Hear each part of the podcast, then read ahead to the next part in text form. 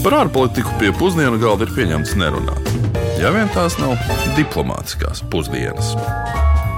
Labdien, un esiet sveicināti diplomātiskajās pusdienās. Šodien mēs dodamies no Dienvidamerikas uz Dienvidāfriku, un šoreiz apskatīsim Botsvānu, kas dažiem varētu būt zināma kā viena no pirmajām dimantu iegūšanas ziņā lielākajām valstīm pasaulē.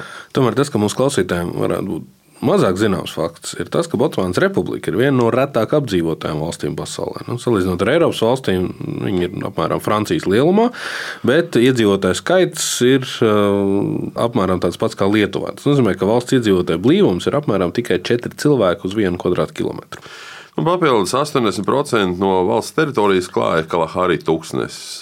Jāmin gan, ka šī teritorija ir piepildīta ar sezonāliem mitrājiem ievērojamo nokrīžu daudzumu un arī pārsteidzošu dzīvnieku un augu daudzveidību. Tādēļ reģionā atrodas arī otrais lielākais uh, pasaulē uh, rezervāts, Kalahari centrālais medību rezervāts. Jāsaka, ka Botsvānā ir ne tikai tūkstnes. 2,3 miljonu lielā valstī atrodas arī pasaulē otra lielākā salas plaknes teritorija. Salīdzinājumā Botsvānas salas plakne Magadi Gadi aptver platību, kas ir lielāka par Šveici. Nu, ko noteikti uh, daži varētu atpazīt, tad nu, vismaz tie, kas ir kārākie Taylor Swifts mūzikas fani, tad eh, video Wildest Dreams ir tieši filmēts tur. Maz zinām arī, bet izņemot tūkstnes un salas plaknes, valstī ir arī īsākā sauszemes robeža pasaulē. Tā ir tikai 150 metru gara. Un šī robeža ir ar Zambiju. Vienlaikus, tā kā valsts ziemeļrietumu daļā Botsvāna robežojas ar trijām citām valstīm - Zambiju, Zimbabvi un Namībiju. Valstī pastāv vieta, kur satiekas četras valstis. Tā ir tikai viena no retajām vietām, kur vienu vietu var uztvert mobilo signālu no četrām valstīm. Vismaz kādu var dabūt. Bet, eh, nu, ko par Botsvānas republiku zinās sacīt mūsu eh, iedzīvotāji Latvijā, nu, to tika vaicāts jau intervijās. Ar ko jums asociējas Botsvāna? Botsvāna? Es nezinu, ar ceļojumu kādu tālu. Kaut kur atmiņā ir dzirdēts vārds, bet es pat nezinu, vai tā ir valsts. Tā ir valsts, ja? Kur tāda atrodas? Es pat īsti nezinu, Botsvāna. Tagad nu ir jāmin. Neuzmiešu, kur ir Botsvāna. Botsvāna ir Āfrikā, jā. Ar valsti, kur es nevarētu parādīt kartē. Tas var būt viss, vis, kur jūs gribat. Āfrika vai Dienvidamerika vai kaut kur Azijas. Gan nedaudz iesākām runāt ievadā. Botsvāna ir pazīstama ar savu pasaules titulu dimantu ražošanā, un šobrīd tā ir viena no pārtikušākajām Āfrikas valstīm. Vēl īsi pirms neatkarības iegūšanas 1966. gadā, kad Botsvāna vēl bija Lielbritānijas protektorāts, valsts bija viena no nabadzīgākajām un vismazāk attīstītajām valstīm Āfrikas reģionā. Un tieši tādēļ šodien parunāsim par to, kā Botsvāna nonāca līdz tam, ka tā ir viena no pārtikušākajām Āfrikas valstīm un arī viena no spēcīgākajām demokrātijām reģionā. Nu jā, nu mūsdienās pasaulē Botsvāna pazīstama kā Āfrikas izņēmums. Primāri tādēļ, ka vairāk nekā 30 gadus valsts ir bijis lielākais IKP uz vienu iedzīvotāju pieaugums reģionā. Nu tā šobrīd valsts eh, IKP uz vienu iedzīvotāju pēc pirktspējas paritātes, ja mēs skatāmies, ir apmēram 16,000 eiro. Nu jā, un salīdzinājumam valsts kaimiņos esošajām valstīm IKP uz vienu iedzīvotāju ir no 3 līdz 9 tūkstošiem. Tātad no piecām līdz divām reizēm mazāk. Tomēr, nestoties uz to un salīdzinot Botsvānas IKP uz vienu iedzīvotāju ar Latviju, nu, tas tāpat ir aptuveni divas reizes mazāks. Jāsaka arī, ka 2007. gadā valsts kļuva par valsti ar ekonomiku ar vidējiem ienākumiem, bet līdz 2036. gadam Botsvāna vēlas kļūt arī par ekonomiku ar augstiem ienākumiem. Skatīsimies, gan cik eh, veiksmīgi tas būs sasniedzams. Jo nu, līdz pandēmijas sākumu un arī Botsvānas tirgu atkarīgi no dimantiem, protams, izaicinājumi ir, ir, ir acīm redzami. Uz doto mirkli valsts IKP uz vienu iedzīvotāju ir nokritis par vairākiem tūkstošiem eiro salīdzinot ar pirms pandēmijas rādītājiem. Bet, kā jau mēs pieminējām, tad uh, dimantu, un precīzāk, dimantu raktuves uh, veido lielāko daļu no šīs uh, ekonomikas pieauguma. Vēsturiski Botsvāna kļuva par lielāko dimantu ražotāju 1990. gadā. Un pašlaik uh, tā atrodas varbūt otrajā vietā aiz Krievijas, un trešā ir Kongo Demokrātiskā republika. Un statistiski Botsvāna saražo vairāk nekā 20 miljonus dimantu karātu, kas ir aptuveni 18% no kopējā pasaules dimantu apjoma. Dimantu raktuvs, ap citu, veido gan arī pusi no valsts uh, ienākumu, valsts budžeta vērtības. Un tie dimantu ieņēmumi ļauj Botsvānā ikvienam bērnam iegūt arī bezmaksas izglītību līdz 13 gadu vecumam. Tas ir diezgan, diezgan reti sastopama parādība Āfrikas, Āfrikas reģionā, kā mēs jau esam daudzkārt runājuši par citām valstīm. Nu, un, protams, ka šī situācija sekmē arī to, ka Botsvanā pieaugušo lasīt prasības līmenis ir 88% gan sievietēm, gan vīriešiem, kas, protams, atkal daudzām Botsvanas kaimiņu valstīm tas līmenis ir 40-50% tikai. Un vēl divas nozares, kas ļoti ievērojami spēcina Botsvanas ekonomiku, ir turisms un lauksaimniecība. Turisms skaitās pati dinamiskākā nozare, tā veido aptuveni 12% no IKP. Un uh, valstī pastāv arī viena no pasaules unikālākajām ekosistēmām, Okavango delta. Tas, starp citu, arī tika uzņemta 80. gada filma The Gods Must Be Crazy, jeb dievi sajukuši prātā, lai gan filma galvenokārt tika filmēta citur, Dienvidāfrikā. Arī The Amazing Race 7. sezona viesojās Botsvānā, un um, turismu ir arī veicinājusi Aleksandra Makola Smita detektīvu romānu sērija. Par ekosistēmām, upēm un upju deltām runājot, gan jāpiemina, protams, ir arī lauksaimniecības sektors, kas šajā gadījumā nodrošina darbu apmēram 70% lauku iedzīvotāju. Un uh, vienlaicīgi valsts saražo apmēram tikai 50% no visām savām pārtikas vajadzībām, pārējā tiek importēta. Un, protams, ka nu, šīs problēmas attiecībā uz ekoloģiju un vidi rada slogu arī turismu un lauksaimniecības nozarē. Nu, piemēram, lielo audzēšana ir svarīga lauka ienākumiem, tad arī pašā laikā radījusi diezgan pamatīgu spriedzi attiecībā uz ūdens rezervu pieejamību valstī. Nu, protams, arī vegetācijas samazināšanās, jo nu, teritorijā notiek pārtukstešošanās, ir, ir, ir viens no izaicinājumiem.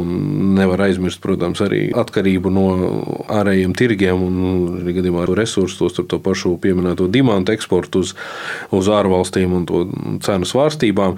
Un, protams, kas vēl arī ir svarīgs, un, un šajā gadījumā Subsaharas Āfrikā ir, ir liels izaicinājums bijis to, ka mm, uz valsts spriedzi rada arī augsts bezdarbs un plaši pastāvoša aids epidēmija, kas runā, ka esot skārus apmēram 20% iedzīvotāju valstī.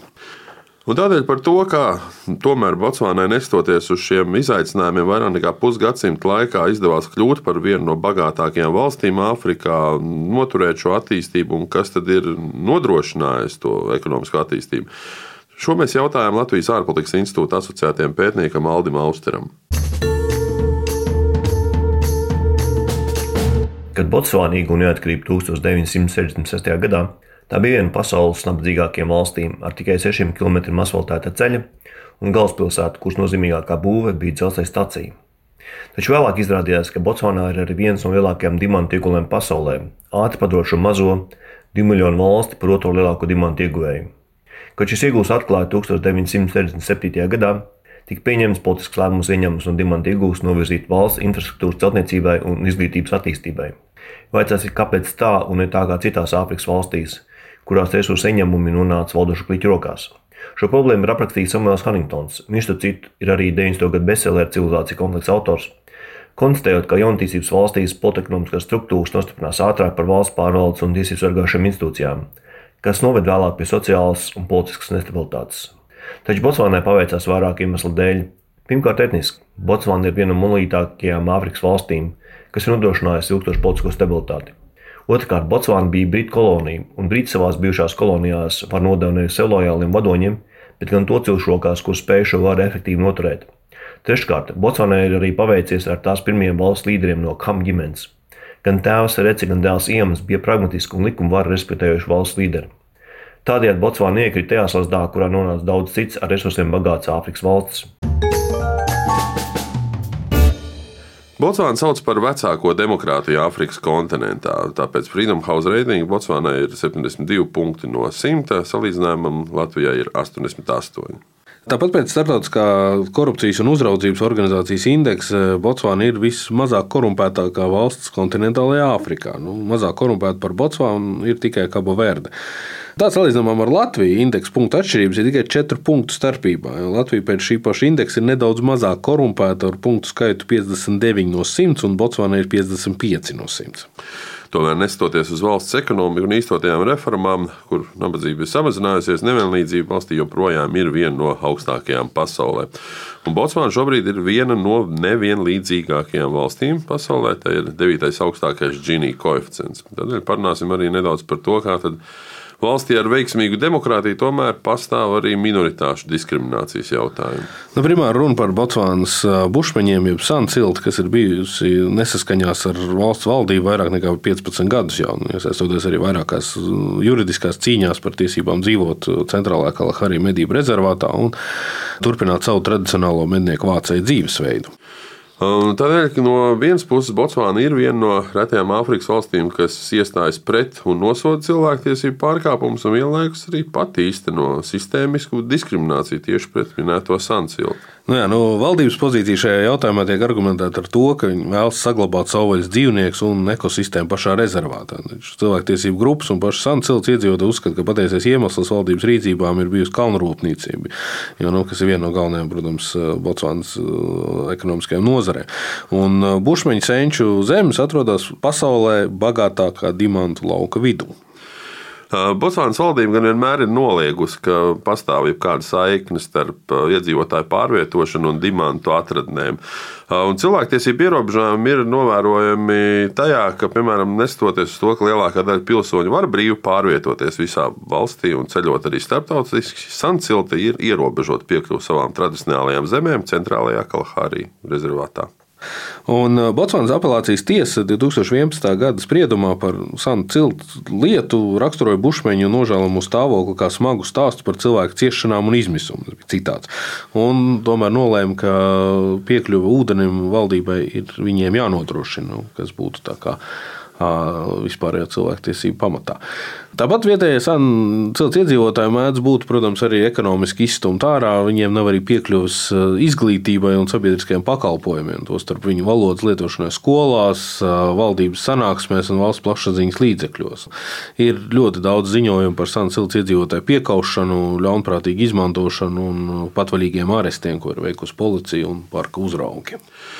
Rezumējot, jāsaka, ka kopumā tas, ka valstī ir mazs iedzīvotāju skaits, tā ir dabas minerāli bagāta, kā arī valstī ir labas pārvaldības, stabilitāte un piesardzība, ekonomiskā vadība, tas tomēr ļauj šai valstī sekmēt savu izvēlēto kursu. Tāpat tas, ka vēsturiski valsts nav piedzīvojusi liels karus, apvērsums, revolūcijas, kolonālās varas apstākļos, pašvaldība ir bijusi samērā vienmērīga pārēja un devusi savus ekonomiskos augļus. Valsts valdība turpina uzsvērt taupību, rūpes par nabadzīgiem, nodrošinot sabiedrības izglītību, dotācijas vecāku gadagājumu cilvēkiem. Nu, protams, ka valstī pastāv arī savi izaicinājumi. Nu, tomēr izvēlētais valdības kurs ļauj valstī ierindoties starp bagātākajām nu, valstīm savā reģionā. Lai cik būtu paēdis, vienmēr ir vieta arī desertam. Ir pienācis laiks arī desertam, un šodien ļoti īss, bet uh, vēsturiski ļoti nozīmīgs arheoloģisks deserts par mūsu vēsturi. Tā pētījumi ir pierādījuši, ka Magadī Gadī Okavango apgabals tiek uzskatīts par mūsdienu cilvēku izcelsmes vietu, un uh, zinātnieki pētījumu ietvaros izpētīja vairāk nekā 1200 Āfrikas dienvidu pamatiedzīvotāju DNS datus un saskaņā ar viņu atklājumiem Magadi Gadi Okavango bija cilvēku dzimtene pirms 200 tūkstošiem gadu. Nu, Jaunie atklājumi liecina arī, ka Botsvāna varētu būt precīzākā cilvēku senču dzimtenes vieta, kas jebkad ir noteikta. Lai gan jau sen ir zināms, ka anatomiski mūsdienu cilvēks, jeb homo sapiens, ir cēlies Āfrikā, zinātnieki iepriekš vēl nebija bijuši spējīgi noteikt precīzu cilvēku dzimšanas vai šī cilvēka paveida sugas dzimšanas vietu. Nu, Papildu pētnieki apgalvoja, ka pastāvēja šajā reģionā trīs grupas. Divas emigrēja, bet vienai, kas palika, ir bijušas ciešas saiknes arī ar vēsturisko sancilti. Un ar šo mēs šodien raidījumu arī noslēgsim. Atgādināšu tikai, ka mūsu raidījums ir klausāms Latvijas Rādio 1 arhīvā, jebkurā jums pieejamā laikā, arī Latvijas Rādio mājaslapā. Un, protams, podkāstu veidā, jebkurā jums vēlamajā podkāstu straumēšanas vietnē. Šo raidījumu palīdzēja veidot Tulus Česbergs un Aleksandra Palkova. Nu, sadzirdēšanos. Nu, es tikai ātri pieminēšu, ka nākošais mūsu pēdējā šīs sezonas raidījumā dosimies uz Zviedriju, jeb Zviedrijas karalisti. Bet līdz tam, lai izdosies nedēļa. Diplomātiskās pusdienas katru otrdienu pusdienos Latvijas Radio 1.